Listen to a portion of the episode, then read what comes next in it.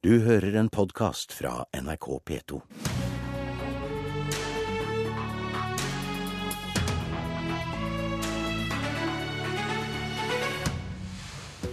Jeg er ikke sosialdemokrat, men likevel norsk, sier Torbjørn Røe Isaksen, som er lei Arbeiderpartiet sine anklager om unorsk politikk.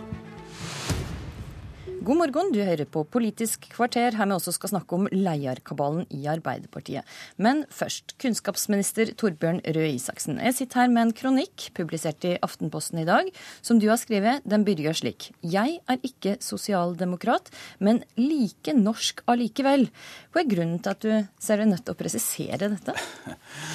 Nei, det er jo rett og slett fordi jeg har lagt merke til at gjennom flere år nå så har eh, så har det kommet påstander om at motstanderne er eh, unorske eller snakker Norge ned eller gjør sånne ting. Så da er det greit å understreke at jeg tror ikke det er der forskjellen på norsk eller ikke-norsk ligger. Eh, så tror jeg bak dette her for Arbeiderpartiet så ligger det en sånn bestemt forestilling og historie om at eh, det er egentlig bare ja, hva skal man si, Arbeiderpartiets politikk som har bygget opp og tar vare på det som er fint med Norge.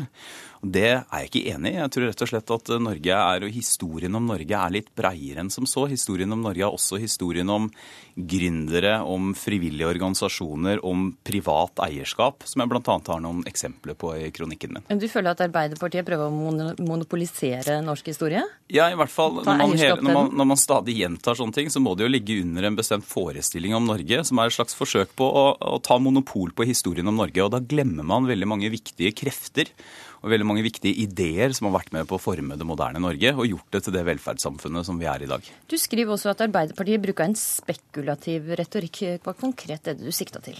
Jeg, jeg, syns nok det er litt spekulativt at man ønsker å stemple sine motstandere som mindre nasjonalsinnet eller mindre norske. Jeg så litt på historien f.eks. til dette begrepet om salg av Norge, og så at det var et begrep som bl.a. ja-siden i Arbeiderpartiet var, var veldig kritiske til i 1972 og de eneste som egentlig brukte det den gang, det var den ytterste venstre fløyen, som var EU-motstandere. Trond Giske, stortingsrepresentant og tidligere næringsminister fra Arbeiderpartiet. Hvordan reagerer du på disse anklagene som kommer fra Torbjørn Røe Isaksen her? Det er i hvert fall tydelig at den diskusjonen har truffet en nerve hos uh, Høyre. Uh, og det er helt riktig som Torbjørn Røe Isaksen sier, det er ingen som har monopol på den norske identiteten. Men det er ikke noe tvil om at vi ute i verden eh, har en oppfatning av eh, å være eh, et land med en spesiell samfunnsmodell, den norske eller den nordiske modellen, hvor vi har klart å balansere markedskrefter, god fordeling, høy sysselsetting, likestilling på en bedre måte enn kanskje noe annet samfunn i verden. Fører regjeringa en unorsk politikk, den blå-blå regjeringa? På noen områder fører den i hvert fall en veldig utypisk eh, norsk politikk. Hvis du hadde reist ut i verden og fortalt at eh, i et land eh, så er det en regjering som foreslår eh, store skattekutt, og en tredjedel av skattekuttene skal gå til den 1% hundredelen rikeste av befolkninga, så tror jeg få hadde gjetta at det var Norge eh, det gjaldt. Det er veldig utypisk norsk, fordi vi har eh, jobba i mange år for en god fordeling, for rettferdighet. Eh, og når skattekuttene i tillegg betales med eh, kutt for uføre som har barn, funksjonshemmede som trenger bil, eldre sitt kulturtilbud, så tror jeg det er få som assosierer det med Norge. Og her tror jeg Høyre rett og slett er helt på tvers av det som er den norske folkesjela og den norske identiteten. Torbjørn? Jeg, jeg synes, uh, Hvis vi legger bort akkurat nå denne, denne om dette er norsk eller ikke, jeg syns det er en pussig påstand, så tror jeg Giske har rett i at noe av det som er spesielt med Norge, er eller den nordiske modellen. Og det er jo at vi har klart å finne en god balanse mellom marked på den ene siden og noen offentlige løsninger på den andre siden. Men forutsetningen for det, og som jeg syns veldig ofte blir borte hos Arbeiderpartiet, det er jo også at vi har et sterkt privat eierskap.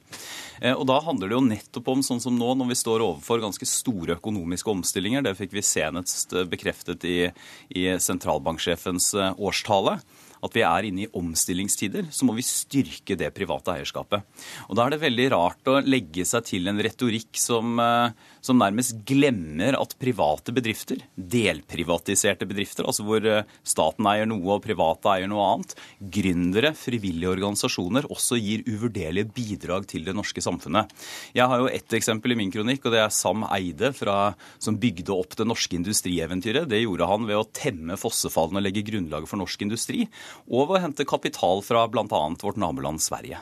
Men eh, ok, eh, Trond Giske, altså, din partileder har eh, bl.a. sagt at regjeringa vil selge landet i stedet for å bygge det. Forstår du at dette kan bli sett på som spekulativ retorikk? Nei, altså det er jo et korrekt faktum egentlig at med store nedsalg av statlig eierskap, så er det ikke bare en overføring fra det offentlige til det private, men det er et overføring fra et eh, norsk eierskap til et utenlandsk eierskap. Det finnes rett og slett ikke sterke nok muskler i det private næringslivet næringsliv eller eierskap i Norge til å ta titalls, kanskje hundretalls av milliarder. Nedsalg i Flytoget, i Mesta, i Entra, i Kongsberg, i Telenor Eh, eventuelt i Statoil og, eh, og, og, Statkraft, som Høyre i hvert fall for noen år siden også mente vi skulle eh, ned i. Statskog, som eier en femtedel av landarealet i Norge, som Høyre også ønsker å privatisere. Et nedsalg her er ikke bare overføring fra, privat, fra offentlig til privat, men det er et utsalg ut av landet. Og det mest meningsløse er jo at staten mangler jo ikke kapital. Staten eier nå ti ganger så mye i utenlandske selskap gjennom oljefondet, 7000 milliarder kroner snart, som vi eier i de norske selskapene, flaggskipene, Statoil, Stat, uh, Statkraft, Telenor. Så for hver aksje vi selger f.eks. i Telenor, så må vi kjøpe oss opp i British Telecom eller uh, i, i, i French Telecom eller Vodafone eller hva det nå er. Og det er, jo, det er, jo, helt meningsløst. Hvorfor skal vi bli en leilending i Norge med sterkere utenlandsk eierskap, når vi kan ha kontroll over disse selskapene, vi kan ha hovedkontor her, vi kan bruke det til industribygging i Norge.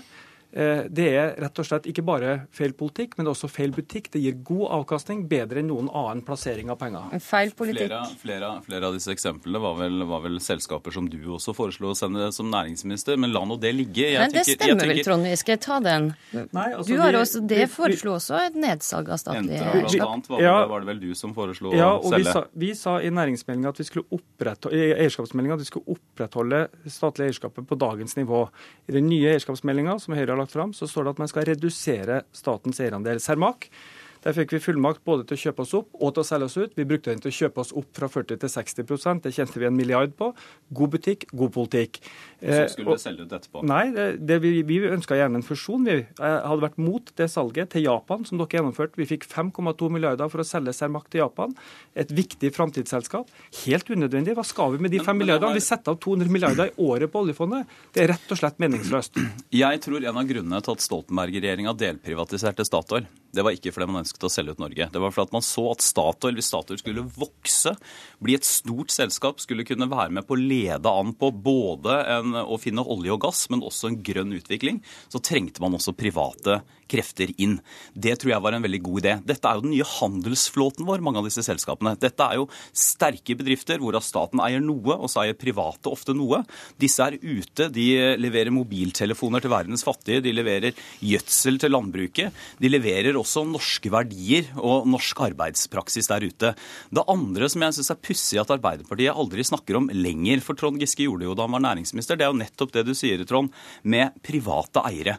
Hvordan skal vi da sørge for at vi vi har sterke nok private eiere til at de skal kunne bidra til å kjøpe opp og styrke norske bedrifter.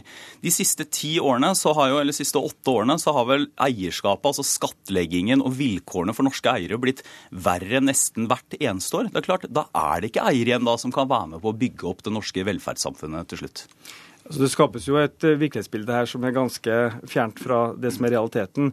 94,5 eh, av alle selskap som er på en Oslo Børs, er heleide private selskaper.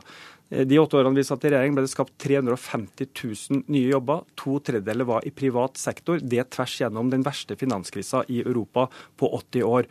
Så dette er jo eh, helt i strid med realitetene, det du sier. Men det andre er at dette er jo ikke noe nytt fra Høyre. I min by Trondheim, det siste Høyre og Frp gjorde før vi overtok, det var å selge Trondheim e-verk. Det har Trondheims befolkning tapt et sted mellom 10 og 15 milliarder kroner på på de ti årene siden det skjedde. Og nå ønsker altså Høyre og Frp å gjøre det samme for Norge som de gjorde for Trondheim. Det er feil, eh, og det er unorsk. Og det er å selge deler av landet. Det samme gjelder evigvarende fiskerikvoter, Statskog selvfølgelig, og disse selskapene. Det er mye bedre at vi eier det sjøl, bygger landet vårt, bygger industrien vår, bygger arbeidsplasser, har kontroll på det. Ikke at staten skal eie alt, vi skal ha en balanse mellom stat og privat, slik den norske modellen har vært bygd på de siste 50 årene. Det ser ikke ut til at uh, Arbeiderpartiet kommer til å dempe retorikken, tross dine forsøk. Og jeg, jeg regnet ikke med det, og det er vel fordi Så... de mener det er effektiv, effektiv, retorikk å stemple motstandere. Problemet er jo at de klarer heller ikke å si noe om hvordan man skal styrke det private eierskapet og gå inn i de omstillingene som vi er helt avhengig av å ta nå. Der må vi avslutte den debatten. Takk for at du kom, eh, Torbjørn Røe Isaksen. Trond Giske, du blir sittende. For Arbeiderpartiet skal få to nye nestledere og en ny partisekretær etter Raymond Johansen. Og Trond Giske, alle regner det som en sikker kandidat til nestlederjobben i Arbeiderpartiet. Hva er din kommentar til det? Jeg tror jeg skal eh, vente til valgkomiteen har lagt fram sitt forslag, og ikke minst til landsmøtet i april eh, har gjort sine valg. Så eh, jeg har vært med i Arbeiderpartiet så lenge at jeg vet at fylkespartiene og delegatene på landsmøtet de er suverene og bestemmer dette. Men det er hyggelig? Det er alltid hyggelig å bli nevnt i positive årelag, så det får man nyte mens det varer. Hvis du eventuelt skulle bli nestleder, hva vil bli dine viktigste saker? Hvilken retning vil du dra Arbeiderpartiet i? Jeg tror uansett hvilken posisjon jeg har, så kommer jeg til å være opptatt av de sakene som jeg jobber mye med. Nå er jeg jo fraksjonsleder og komitéleder i utdanningskomiteen på Stortinget.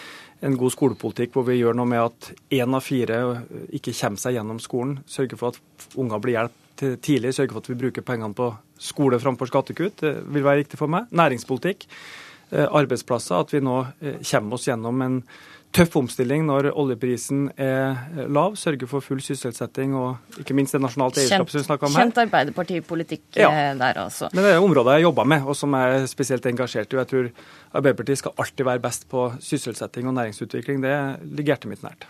Takk skal du ha, Trond Giske. Politisk kommentator i NRK, Lars Nehru Sand. Hvor sikkert er det at eh, Trond Giske skal inn i partiledelsen?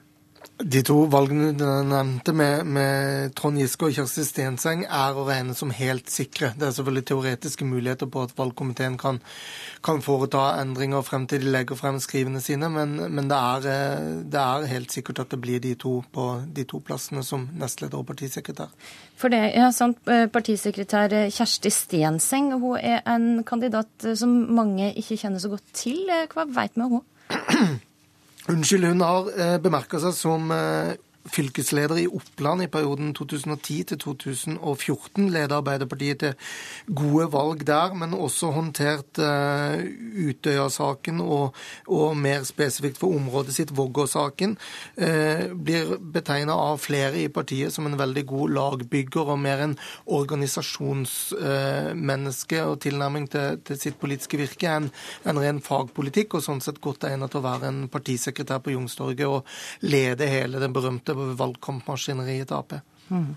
Så er det altså tre kvinner som er aktuelle som den andre nestlederen, i tillegg til Trond Giske. Hadia Tajik, Jette Christensen og Anniken Huitfeldt. Hvem er det som ligger best an av de tre? Alle mine kilder sier at Hadia Tajik har eh, størst forutsetning for å eh, vinne eh, valgkomiteens tillit, og dermed bli innstilt som den andre nestlederen sammen med Trond Giske. Hvem, eh, men hvor sterk er striden internt om eh, disse ulike kandidatene her? Det som jo har prega årets versjon av, eh, av, valgarbeidet i Arbeiderpartiet, er jo at alle er for de de er for. Det er ingen som er mot eh, motstandernes kandidater. Det gjør at man har hatt en ganske eh, åpen og god runde i, i partiet. Eh, det som nå utkrystalliserer seg litt mer, er en slags eh, regionkamp hvor eh, Akershus føler veldig på at Oslo ofte får to kandidater i ledelsen, hvor Vestlandet mer eller mindre står samla om, om Jette Christensen Christensen, men hvor Rogaland vurderer å endre og flagge sitt syn for Hadia Tajik, men føler at de må være sikre på at Cecilie Bjelland kan få en plass i sentralstyret som menig medlem. Og med alle disse tingene som påvirker hverandre, så er det mer den eh, hvem av de tre er det som eh, trekker seg først, og hvor fordeler de stemmene seg.